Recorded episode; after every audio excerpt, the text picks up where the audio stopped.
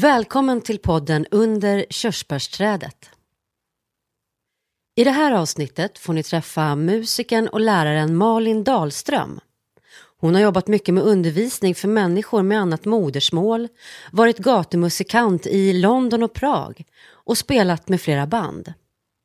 Malin kommer även släppa en skiva i maj under artistnamnet Old Chico. Frippe träffade henne för att prata lite om livet.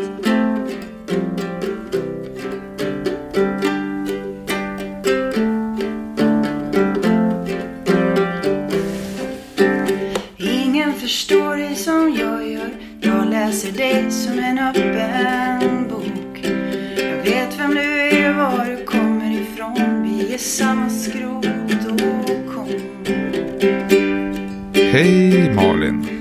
Hej Frippe. Hur är dagsformen? Jag Jo, det är bra.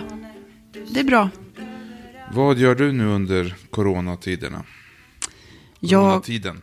ja, jag jobbar ju på Södertörns högskola som adjunkt i svenska.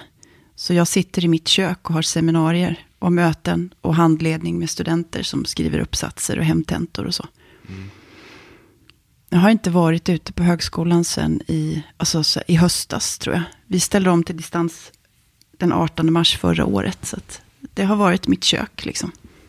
Och eh, vad gör du på högskolan då? Måste jag?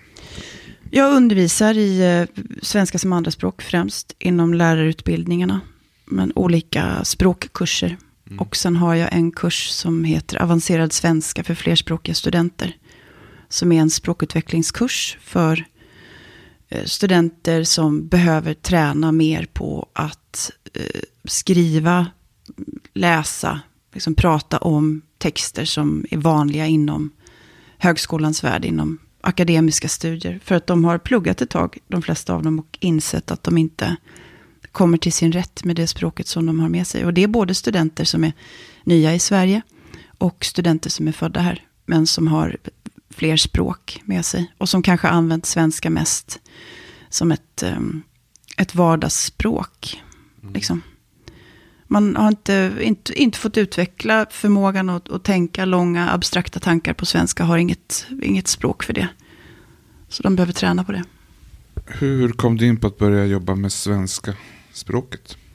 Det var ren, eh, det var ren slump. Jag började vikariera som lärare i svenska för asylsökande 1999 när jag bodde i Malmö. Då hade jag bott utomlands några år och varit och rest runt i Mellanöstern, bott i London och Prag och sådär. Jobbat inom restaurangbranschen och varit gatumusikant. Och eh, var ju ganska ung, jag var väl 24 eller något sånt. Så att då började jag gå på timmar och tyckte att det var jättekul. Dels att eh, världen, min värld blev lite större. Man fick möta människor från olika delar av världen som hade det gemensamt att de behövde utveckla ett språk för att kommunicera och fungera i sina vuxenroller. Så det tyckte jag var spännande. Så började jag läsa lite fristående kurser. Och så hade jag redan läst lite religionshistoria i Lund. Och så fanns det en, eh, det finns ju fortfarande en sån här kompletterande pedagogisk utbildning. När man har läst en massa ämnen. Så då hoppade jag på det och blev gymnasielärare i svenska som andraspråk och religion. Men sen har jag mest, jag har liksom stannat inom vuxenutbildningen och mest jobbat med SFI och komvux och på högskolor. SFI, vad är SFI? Kan du förklara vad SFI är för någonting? Mm. Eh, svenska för invandrare är alltså kurser i grundläggande svenska och syftar till att man ska utveckla kommunikativ förmåga för att eh, ta sig fram i vardagen, i arbetslivet och i samhällslivet. Så att det är en första, det första steget när man flyttar hit eh, som vuxen. Och alla har rätt att läsa det. Det är kommunerna som ansvarar för att erbjuda. Eh, nu är ju vuxenutbildningen väldigt uppstyckad och det mesta är på entreprenad. Eh, så det är en ganska, det är en väldigt hårt marknadiserad skolform, SFI. Så det finns en massa olika varianter. Men det är det första, första steget i liksom språkutvecklingen, andra språksutvecklingen när man kommer till Sverige. Och eh, när man kommer, hur blir man liksom uppdelad på SFI? Kommer alla till samma grupp? Eller Nej, det det ser olika ut. I Stockholm, stå, alltså städer som har stora, stora apparater, där brukar det ju finnas en central, eh, men någon, något, något centralt ställe. Här i Stockholm heter det väl SFI-centrum tror jag fortfarande, eller vuxenutbildningscentrum. Och där eh, blir man, får man träffa en pedagog och får sin eh, studiebakgrund kartlagd och eh, där försöker man eh, att ta reda på vilka förutsättningar och behov som finns för just den här individen. SFI ska ju vara anpassat utifrån individens behov och förutsättningar. Eh, och sen blir man anvisad och det finns eh, tre olika studievägar beroende på hur mycket utbildning man har med sig. Sen tidigare. Jag har mest jobbat med studieväg 1 som är alltså vuxna som inte har lärt sig läsa och skriva i, genom skola tidigare. Studieväg 1, alltså det, det som man skulle, bland till exempel analfabeter skulle kunna finnas Ja, det skulle man precis. Det har väl en lite negativ klang, tror jag, för folk som jobbar eh, liksom med det dagligen. Mm. Eftersom att det blir, Men om man inte jobbar med det så känns det som att man säger en analfabet så vet de flesta. då vet de flesta vad det är. Ja, precis. Och studieväg 2, vad är det då? Men det är ju den allra största gruppen. Jag tror att det är 60 procent av de som läser SFI som hamnar i studieväg 2. Så då kan man ha kanske 6-7 år skola bakom sig. Eh, men eh, in, inga högre studier. Alltså att man inte har gått motsvarande gymnasium och ingen högre utbildning. Studieväg 3 är ju för de som kommer med eh, kan ha högskoleexamen, läkare, tandläkare. Alltså Men man delas inte upp någonting utifrån vilka man har samma alfabet eh, eller man skriver med bakifrån eller uppifrån eller det finns inte någon sån uppdelning. Nej, det är inte någon sån uppdelning. För att det visar sig att det är inte där, det är inte mest gynnsamt att börja där ändå. Utan man måste ju alltid börja i ett helhetsperspektiv. Och utifrån vad som är relevant för den individen att, att lära sig, att investera tid i att lära sig. Så att det måste ju vara meningsfullt, för, i synnerhet för vuxna som kommer, för då är det så extremt höga krav på att de ska fungera i sina vuxenroller från dag ett. Alltså vara tillgängliga på arbetsmarknaden, eh, fungera i sina föräldraroller. Ja, vara vuxna helt enkelt. Så att då måste man börja i ett, eh, ett ja, men någon slags helhetsperspektiv. Liksom. Och inte börja med bokstäverna. För det, Men jag tänker också, i princip kan de två personer som kanske i deras lä- länder har varit i krig med varandra i årtionden, så kommer de till SF Sverige och ska sitta bredvid varandra i SFI-klassrum och läsa svenska på samma nivå. Måste det bli konflikter ibland i klassrummet, eller? ja, det kan det ju bli, såklart. Så var det när jag jobbade, när jag precis började. Jag hade ju ingen lärarutbildning, jag hade inte läst någon svenska alls när jag började på Studiefrämjandet där 99 i Malmö. För det var ju precis när Dublinavtalet och Schengenavtalet skulle träda i kraft. Så att det var en ganska, alltså de flesta eleverna på skolan kom ifrån eh, före detta Jugoslavien, från Balkan. Och då hade de bott i Tyskland och Holland och så andra länder under ganska många år och jobbat som snickare och målare och så. Men sen så kom det här eh, de nya bestämmelserna, EU-bestämmelserna om att eh, de skulle inte få permanent uppehållstillstånd i de, i de länderna. Så att då sökte de sig till Sverige för att en, en sista chans att få permanent uppehållstillstånd. Så att då var det på Studiefrämjandet så var det nästan bara folk från före detta Jugoslavien som just hade ehm, Ja, men det var ju, då var det liksom alla olika etniciteter och folkgrupper. Och det fanns ett rökrum till och med på skolan då, där alla satt och blängde på varandra med hat i blicken. Så att absolut. Och sen så förvärrades ju det där av att eh, skolan arrangerade någon dag i juni liksom en, eh, en, en utflyktspicknickdag eh, i Pildammsparken på den där stora gräsplätten. Och då skulle det vara brännbollsturnering och då blev det givetvis kroaterna mot serberna, mot bosnierna, mot kosovoalbanerna, mot montenegrinerna. Ja, det kan jag, kan jag se tillbaka på nu och tänka att det var synnerligen olämpligt. men, men eh, ja, Du nämnde att du var ute på, som gatumusiker lite grann. Ja. Ja, du gör ju musik under artistnamnet Old Chico. mm, det stämmer. Kan du berätta lite om det projektet? Ja, det projektet, jag har hållit på och spelat musik sedan jag var tonåring i Kalmar. Spelat i olika band och sådär. Och sen när jag bodde utomlands, då spelade jag en hel del på gator och torg och höll på. Skrev låtar på engelska. Och det är också anledningen till att jag kom upp till Stockholm. Jag flyttade hit 2001 och det var för att jag hade träffat eh, Martin Fogelström, en god vän till mig. Eh, han var ute och reste med en gitarr på ryggen och vi träffades i Prag när jag var gatumusikant. Så att då höll vi kontakten och jag kom upp hit för att han bodde i Stockholm då. Och vi spelade in en demo eh, den sommaren 2001. Så började vi skicka runt den här CD-skivan och fick lite spelningar. Så att då tänkte jag att jag flyttar upp och, och testar Stockholm ett halvår för att spela lite musik. Och sen, ja, så blir jag kvar. Jo, och sen spelade jag in en, eh, spelade in en skiva med texter på engelska. Eh, och eh, Bonsai Songs. Och sen, men det sammanföll med att jag, eller vi fick våra två barn, så det var en ganska liksom, utdragen process. Eh, och jag vet inte, jag gick in i studion när jag var höggravid och så kom jag ut två år senare med en tvååring i ena handen och en ny bebis i famnen och en liten mastrad plastbit. Och jag var så trött, jag liksom ledsnade på att det inte räcka till i, i något av de projekten riktigt. Så att jag, jag lät det bara vara, tog en paus från musiken. Eh, och höll på med annat. Eh, men eh, sen började jag skriva låtar på svenska igen, 2016. Och Svenska igen? Eller? Nej, jag började skriva, jag började, precis, jag började skriva låtar igen, men då på svenska. Okej. Och då, eh, ja, då, då lånade jag, eller snodde det här namnet, Old Chico. Ja, vad betyder Old Chico? Det låter inte så svenskt. Nej, nej precis. Eh, Old Chico är världens äldsta träd. Det är en gran som står uppe på Fulufjället. Egentligen är det inte trädet som är världens äldsta, utan det är rotsystemet under mark. Som är väldigt mycket större och flera, flera, flera tusen år gammalt har man uppmätt, uppmätt med kol-14-metoden. Så att den här granen som är några hundra år gammal är ju bara ett, som ett litet ett skott som skjuter ut ifrån det här väldiga rotsystemet. Jag tyckte det var spännande. Jag hörde talas om det. Och det är tydligen inte heller, jag har inte varit där själv, men jag har en kompis som har varit där och vandrat. Och de har liksom inte mm, kachingat in på det ur turistsynpunkt. Det finns ingen liksom karta, det är inte utmärkt på några turistkartor. Det finns ingen, inget litet café där man kan köpa Old Chico-souvenirer. Så det, det bara står där och är... Och är ja.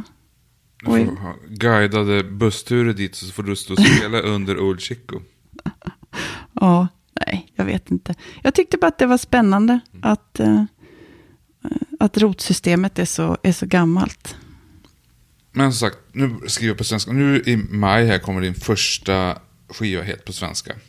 Ja, det första albumet, det finns ju tre EPs med texter på svenska. Mm. Men de kommer ingå på den skivan också kanske? Eller? Nej, nej, Nej. de är, det, är gamla, det är gamla grejer, eller äldre grejer. Eh, men den- nu kommer första albumet på, på svenska och vi kommer också släppa det på vinyl. Eh, samarbete med ERI, eller Rutinstitutet. Ett litet skivbolag. Eh, så ja, i maj kommer den vinylen. Hoppas att vi kan komma ut och spela någonstans för fler än åtta personer. Ja, hur länge sedan var det du hade spelning? Jag hade sista spelningen, om man räknar bort streams då, tänker du? Om det var kanske på uh, Folket Heart, tror jag, i Örebro. Spelade vi på den här hotellfestivalen i januari. Om vi kanske spelat, eller på, ja, jag tror att det kanske var sista. Förra året.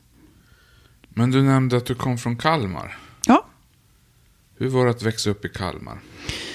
Ja, jag vet inte. Jag har ju verkligen ingenting att jämföra med. Hur var, hurdan var du som barn?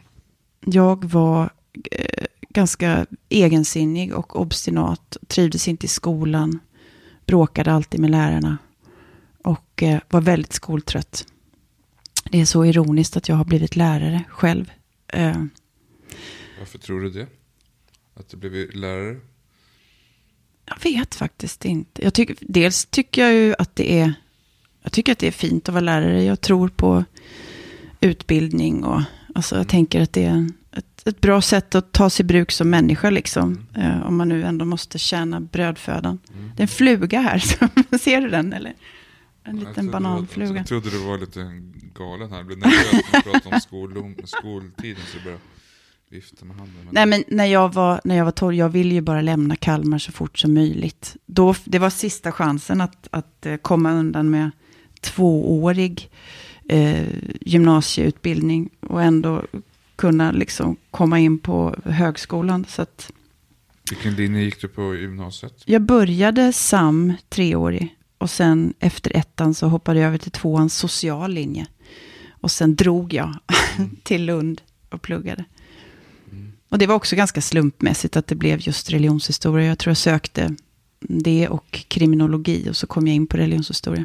För jag tyckte det verkade intressant liksom.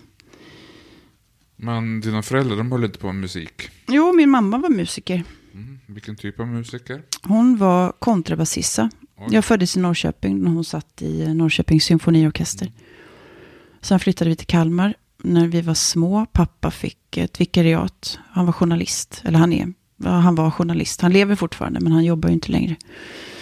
Eh, och eh, ja, sen skulle vi flytta tillbaka till Norrköping när jag var fem. Och mina brorsor, jag är ju mellanbarnet och vi är födda på 70-talet allihopa. Eh, men ja, så det blev en olycka. Min mamma blev sjukskriven från symfoniorkestern. Hon skadade handen under flytten. Hon tappade en tv på handen i en trappa. Ja. Och sen kom hon eh, liksom inte tillbaka till symfoniorkestern. Men hon började jobba som eh, lärare på kulturskolan. Där hade elever i kontrabas och blockflöjt. Så spelade hon en hel del också med med, eh, alltså spela mycket i kyrkorna runt omkring i Kalmar län. Och, och eh, lite medeltidsmusik. Och, ja, hon höll ändå på med musiken. Så du har fått ärva lite musikalitet från henne? Ja, kanske det. Vi spelade inte så mycket hemma, men vi, vi lyssnade mycket på musik. Så här, P2 stod alltid på i köket och så fanns det vinyler med Hasse och Tage och Povel Ramel och sånt där. Det var Mycket musikalmusik också. Min pappa är ju verkligen cineast, alltså älskar film och har stora bibliotek i alla format. Vi var först i Lindstad, där jag växte upp som villaområde, liksom, med, med Betamax. Så han hade jättestort bibliotek med Betamax. Betamax är kassetter. alltså motsvarande som VHS, fast lite mindre band också. Det skulle vara lite bättre videokvalitet tror jag, eller? Ja, han har också ett stort bibliotek med VHS och han har Blu-ray. Och alltså det är verkligen, han är lite misstänksam mot Netflix. Han tycker liksom att det ska vara så här. Men, eh, så att jag har tittat väldigt mycket på gamla filmer när jag var liten. Mycket musikalfilm liksom. Du nämnde det här med spela med sina föräldrar och sånt där. Jag har sett på YouTube att du sp- spelar tillsammans med en av dina döttrar. Mm, precis, min Eh, äldsta dotter. Ja, och eh, ni sjunger tillsammans och spelar tillsammans. Jag tror ni sitter i köket eller om det var soffan. Jag minns Mm. inte. Men det är väldigt fint, måste jag säga. Dels är det en fin upplevelse, men även det att det är någon slags guldtråd mellan mor och, och dotter där. Och hon spelar på och du spelar på. Men det, det var väldigt kärleksfullt. Mm. Spelar du mycket med dina barn? Ja, det gör jag. Eh, det gör jag med båda två. Det har vi alltid gjort ända sedan de var små. Sjungit mycket och spelat mycket och så. Mm. Mm. Men okej, det är ju roligt. Att, är de, sp- spelar de utan dig också? Ja, eh, äldsta dottern gör det en hel del. Med, spelar med kompisar och sådär. Mm. Jag tänkte här, när du pratade om... Först skrev du på engelska. Sen blev du mamma på 110 procent. Och sen så började jag skriva svenska efter en tid. Hur, varför började du skriva på svenska istället för engelska? Ja, nej men det hängde nog ihop med att när Bonsai Songs var klar, det var jättemånga liksom, olika turer med den där skivan.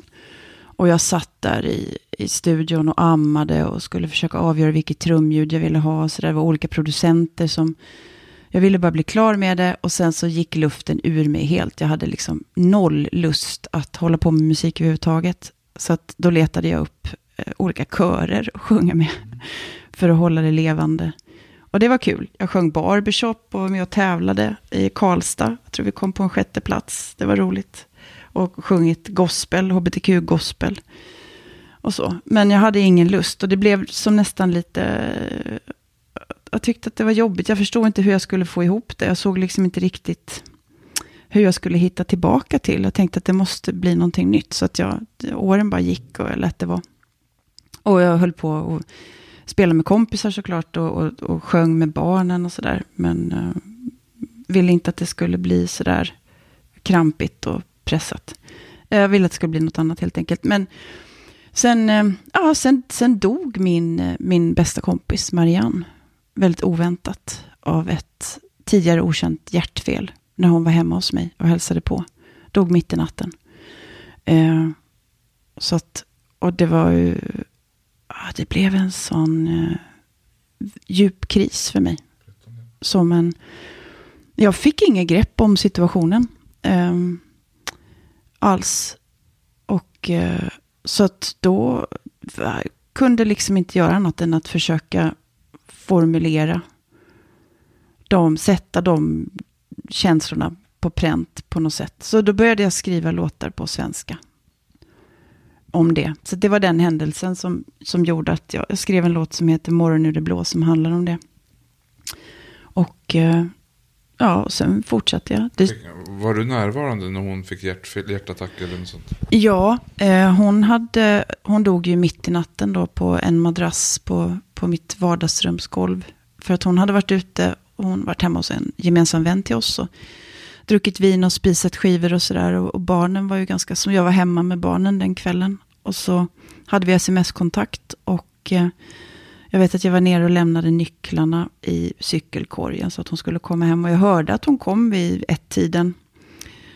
Och, så på morgonen så tassade vi omkring där, liksom jag och barnen och barnens pappa, för att inte väcka henne. Och sen eh, gjorde vi kaffe och toast och eh, gick in till henne. Och jag såg direkt att det var någonting som var väldigt fel. Hon var alldeles blå liksom. Och då hade hon dött under natten. Och då vi ringde ambulans, jag försökte återuppliva henne. Eh, barnen gick till en granne. Eh, det kom en massa människor springande i pyjamas som är uppkopplade till den där hjärtstoppsappen. Um, och sen kom brandkåren för de var närmast i området. Och sjukvårdspersonal, det var hur mycket folk som helst hemma i vår lägenhet. Men hon var död. Och det blev en, bara en djup reva genom hela min värld. Och ja, då började jag skriva låtar på svenska. För att bara göra de, den känslan begriplig för mig själv antar jag. Men eh, ja, och så, så, så fortsatte jag väl lite mer på det spåret. Att skriva låtar på det sättet. Att jag... Jag tänkte väl så här, ja, jag, det är ingen annan som, som behöver begripa det här eller, eller det spelar inte så stor roll hur det låter eller hur det framstår, utan jag vill bara, det är det här jag vill få sagt. Liksom. Mm. Så det fanns en frihet i det också för mig att jag la inte så stor vikt vid hur det skulle framstå. Ett skönare sätt att skriva låtar på än när jag höll på att skriva på engelska. Vad är skillnaden för dig då på att skriva på svenska och engelska? Det, som du sa, det är lättare att... Ja, det är väl olika saker bara. Eh, jag tycker att det är kul att skriva låtar på engelska också. Och det jag har hållit på lite med översättningar nu på sistone. Från engelska till svenska. Och det är ju verkligen, det är ett hantverk att, att försöka få till det så att det låter, eh, ja men så att man följer originalet och liksom det blir ungefär samma vokaler. Och, och vad, är det för något du översätter? Så? Jag har översatt en Bright Eyes-låt. Den kommer släppas som singel snart, Loa. Och jag har översatt en, en låt av uh, Courtney Marie Andrews. If I Told, som släpptes som singel nu i februari. Och också en ACDC-låt faktiskt, uh, Up to my neck in you, översatt. Och vad heter den på svenska? Hals över huvud. Ja. Uh, nej men skillnaden är ju att jag, tycker mig ha tillgång till helt andra nyanser och djup och färger när jag skriver på svenska. Eftersom att det är mitt modersmål. För att det är så, ord kan ju verkligen väcka extremt mycket liksom, associationer och känslor. Och vissa grejer går inte att översätta. Snickerboa till exempel. Det är ju svårt att förklara för en, en person som håller på att lära sig svenska. Som kommer från Japan. Som inte har någon aning om liksom Astrid Lindgrens värld. Eller vår vurm för Småland. Och liksom 1800-talet. Och hela det här gam, gammelsverige. Och barnlitteraturen. Och liksom egensinniga barn som Emil och Pippi. Alltså Snickerboa är så extremt laddat. Och alla som vi som har vuxit upp i Sverige vet vad snickerboa är. Det är så förknippat. Ja, det går inte att missa. Det är liksom inbäddat i kulturen. Det är så, och så är det ju med väldigt många ord. Så därför, jag, jag tycker inte riktigt att jag får, jag kan inte vara säker på att jag får sagt det jag vill säga om jag, om jag använder engelska. Så det beror ju lite på vad det är för typ av text eh, man, eh, vad det är man vill förmedla. Angående förmedla, den här, den här skivan du skriver på svenska, finns det något utöver din vän som gick bort? Finns det något annat tema? Kanske inte finns något tema, men kan du se någon tråd på din svenska skiva som kommer här nu? Ja, alltså den Morgon ur det blå, den är ju, finns på en EP från 2016. Alltså, Som heter Old Chico EP. Och det är två låtar på engelska och två låtar på svenska. Men så att det, det, nu, det är det liksom länge sedan. Ja. Nej, men den här, den heter Hull och hår. Hull och hår. Mm. Vad, vad betyder det i det här fallet? Vad betyder det i det här fallet? Ja, det får väl, man får lyssna på skivan och, eh, och eh, så kanske det betyder olika saker för olika människor, jag vet inte. Men jag, det, jag har inte tänkt tema, utan det, de här låtarna tillkom under en period när eh, jag och barnens pappa separerade efter 19 år tillsammans. Och det var en väldigt, liksom ett gemensamt beslut och ingen uppslitande separation på det sättet. Men, men eh, ja, liksom en förändring, uppbrott, flykt, alltså så här jobbiga, starka känslor och eh, flykt, förälskelse. Ja, lite sånt antar jag. Skriver man en, ett antal texter så blir det ofta den, den temat blir den tiden man lever i själv. Särskilt när det är något så stark, starkt då, som ett, en separation förstås. Ja. Men du sa att du hade översatt ACDC och så sa du något mer. Vilken typ av musik gillar du själv idag? Jag lyssnar på väldigt mycket olika musik. Jag gillar all bra musik. Inte dålig musik. Men, nej, Okej. jag tycker inte att det finns så mycket dålig musik. Nej, men jag har nog ett väldigt, väldigt bred musiksmak. Verkligen. Mm. På svenska eller engelska? Jag lyssnar både på svenska och engelska. Jag lyssnar ganska mycket på instrumental musik också. Ehm, Och går du och sj- sjunger en improviserad sång till det eller? Nej, det gör jag nog inte. När du skriver låtar, kommer texten eller musiken först? Det är eh, nog aldrig så att jag sitter och filar på en melodi utan att ha en textidé. Utan jag tror att det är texten som kommer först. Eller någon bild, någon, någon fras, något ord som jag vill skriva om. Men de här eh, texterna som jag översatt från engelska till svenska, de brukar liksom... Eh, eh, där brukar det gå med, med väldigt lätthet. Det är inte alla texter som vill bli översatta. Vissa är ju, det är för svårt för mig. Eller att jag hittar liksom inte in, men det brukar bara, liksom, det brukar kunna plocka ner det bara. Nej, jag, jag brukar väl, eh, det är texten tror jag kommer först. Alltså, för mig är nog texten anledningen till att skriva låten och inte melodin. Jag har nog aldrig bara skrivit en melodi, även om jag lyssnar mycket på instrumental musik. Så. Har du skrivit skönlitterärt och sånt också? Mm, lite grann, men inte särskilt strukturerat. Skulle du vilja skriva en lång bok? Kanske. Jag vet inte. Det lär väl visa sig. Det skulle jag kunna tänka mig att göra. Mm. Ja, vi får se. Du nämnde att din far var journalist. Mm. Har du jobbat journalistiskt på något sätt? Jag skrev faktiskt en del eh, konsert och skivrecensioner i östra Småland när jag var tonåring. Östra Småland, var det på den tiden din far jobbade också? Ja, precis. Så lite nepotism var det nog. jag har inte sparat dem, jag tror att pappa har några urklipp. Eh, för han sparar ju allt, samlare som han är. Men eh, jag, jag, har nog har skrivit mycket. Mm. Jag tycker det är roligt att skriva. Mm. Förstår det. Men vilka musiker har du samarbetat med på den här nya skivan som kommer här? Ja, det är, från början var det två EP-projekt som sen blev en vinyl. Vid mastringen så insåg jag att, att det skulle gå bra att liksom sätta ihop det för att det är samma, samma världar till stor del. Så Erik Palmqvist har producerat eh, fyra av låtarna och spelar eh, en rad olika instrument på de inspelningarna. Jesper Jonsson spelar trummor. Och eh, sen är det Martin Fogelström och jag som har producerat de fem övriga låtarna. Och då är det Dennis Egbert som spelar trummor och Viktor Widfeldt spelar bas och fiol och så. Och Erik har också gjort lite pålägg på, på de låtarna. Så att, ja. Och ni gavs ut på skivbolaget som hette? Ellarut-institutet. Ellarut-institutet. Kan du berätta vad, vilka som ligger bakom det och vad handlar det om? Ja, det är alltså fotografen Johan Bergmark och Ernst Adamsson Borg och Erik Palmqvist som har driver det här lilla skivbolaget.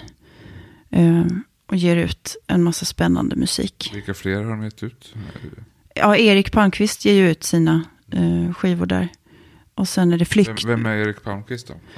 Men Erik är ju en... Eh, han är gotlänning som har spelat i en massa olika band, hållit på liksom väldigt länge. EP's Trailer Park, Monostar. Han har ju också skrivit, skrivit på svenska numera. Mm. Men har en ganska lång liksom, indie-karriär, eller vad man ska säga, bakom sig. Och sen är det Flykten, Henley, uh, Nightbird. Ja. Ganska spännande artister på LRUT-institutet. Och även uh, H-Self, Henrik Hammar. Ha, vad heter han? Hammarbäck, Hammarberg. Ja, men amerikana-spåret liksom. Ja. Och vad gör du när du inte håller på med musik eller skriver eller undervisar i svenska? Vad gör du en vårdag som denna? Jag, eh, nej, jag gillar ju träd.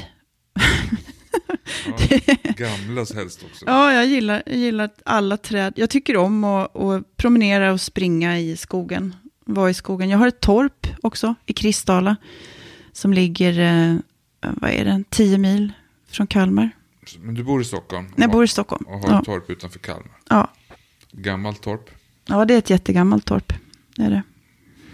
Hur gammalt? Man vet inte riktigt. De gjorde någon sån här, vi har hittat papper. Då gjorde man ju olika liksom, räkningar av hus i området. Så då finns det upptaget från 1800, jag minns inte 1881 eller när man nu gjorde. Men det är inte lika gammalt som det där Old Chico i alla fall. Nej, det är det inte. Men vi har faktiskt en lada på tomten som är den äldsta byggnaden i området. Den är från 1600-talet. Så man kan ju tänka sig att, att torpet är, ja, att det är väldigt gammalt. Det är ganska lågt i tak och sådär. Mm. Historia. Är du intresserad av historia? Ja, det är jag. Du nämnde också tidigare att du var religionslärare. Mm. Vad har du för relation till religion? Men alltså, när man läser religionshistoria, då läser man, tror jag, bara en mycket, mycket liten del. Det är sju och en halv poäng, eller fem poäng på den tiden, kristendom. Så att det är ju framförallt en, en, en tvärvetenskaplig disciplin där man liksom, det är mycket socialantropologi och etnologi och religionspsykologi och fenomenologi och sådär. Så att det är mer mekanismerna bakom religion och och, och främmande, liksom naturfolkens religioner och så. Och det tyckte jag var super, det tycker jag fortfarande är väldigt spännande. Sen när jag har jobbat som gymnasielärare på ungdomsgymnasium i religion, då handlar det väldigt mycket om att prata med ungdomar om, ja men, vad är det att vara människa? Liksom livs, existentiella frågor liksom. allmänmänskliga existentiella frågor som är, det tycker jag var skitkul, verkligen. Eh, så det är ju inte, det är ju inte krist, jag är ganska dålig på, på kristendomen, kan inte så mycket om det, utan mer att, att jag liksom, jag tänker att eh, Jesus och Mohammed och Moses och Buddha har väldigt mycket gemensamt liksom. Och representerar väl ett, eh, ett behov som finns hos många människor att, att, att skapa den här typen av figurer liksom som får bära förändringspotential och så. Ja, men, det finns ju väldigt många likheter. Apropå Old Chico då, liksom att okej, okay, vi är olika träd, men vi har ett gemensamt rotsystem. Alla människor har. Vi är inte, det är mer som förenar oss än vad som skiljer oss åt. Mm. Vi är människor. Mm. Du hade även jobbat inom kriminalvården. Ja. Vad gjorde du, hur hamnade du där och vad gjorde du där? Ja, då hade jag jobbat på Nationellt centrum för svenska som andraspråk under några års tid som projektledare för SFI. Och jag började där eh, under den här flyktingmottagningskrisen. Så det var väldigt mycket att göra. Jag reste väldigt mycket och det var mycket myndighetssamverkan. Och, och ganska hög, jag lärde mig väldigt mycket under de här åren, men det var, ja, jag jobb, jobbade nog lite mer än vad jag egentligen hade lust med. Liksom. Eh, och Eh, så kände jag bara att jag ville tillbaka till undervisning. Och eh, att, jag, att jag längtade efter kontakt, liksom, på något sätt. Med, med det där som, som drog mig till läraryrket till att börja med. Så att då tog jag tjänstledigt på halvtid och eh, började jobba som lärare på häktet Sollentuna. Häktet? Ja, för att när man, om man, när man sitter häktad som, är, som barn och ungdom har man rätt att studera under häktstiden. Så att jag träffade, och på häktet Sollentuna sitter bara uh, killar. Och tjejerna sitter på Kronobergs häktet inne i stan. Så att det var ju, då hade jag de här klienterna som jag träffade och, um, och handledde dem. Och jobbade med och försökte liksom hjälpa dem att ta betyg medan de satt häktade. Och många, många satt ju med fulla restriktioner, så att de var ju helt isolerade 23 timmar om dygnet. Förutom promenaden, träffade bara sin lärare. Så att, och då jobbade jag samtidigt på SU då, så att, alltså, knäppt. Jag kunde liksom ena dagen vara i Göteborg, föreläsa för 500 SFI-lärare. Och sen dagen efter sitta i ett låst rum på häktet Sollentuna och traggla multiplikationstabell med någon 18-årig kille liksom. Så det var väldigt eh, ödmjukgörande och eh, lärde mig väldigt mycket om undervisning på häktet. Men jag varade inte så länge för att jag tyckte att det var en svår organisation. Alltså det är väldigt slitsamt också. På vilket sätt? Ja, men kriminalvården. Ja, alltså jag vet inte. Jag, jag, eh, det är ju en väldigt Eh, hierarkisk organisation som jag uppfattade det. Och eh, det är svårt att det är svårt att verkligen hjälpa de här killarna liksom. Utan man har en liten stund när man kan eh, försöka få kontakt och försöka, jag vet inte, erbjuda någon slags samtals... Det är också svårt att koncentrera sig på studier när man sitter häktad på det där viset. Och, och mår ju jävligt dåligt. Samtliga, samtliga klienter mådde ju jävligt dåligt, helt enkelt. Mm. Men alltså, jag som aldrig har varit på ett häkte. Mm. Hur, hur ser det ut på ett häkte? Kan du beskriva? Ja, det är ett, eh, ett höghus, tolv våningar. Högst upp finns promenad, eh, betongpromenad, tårtbitarna.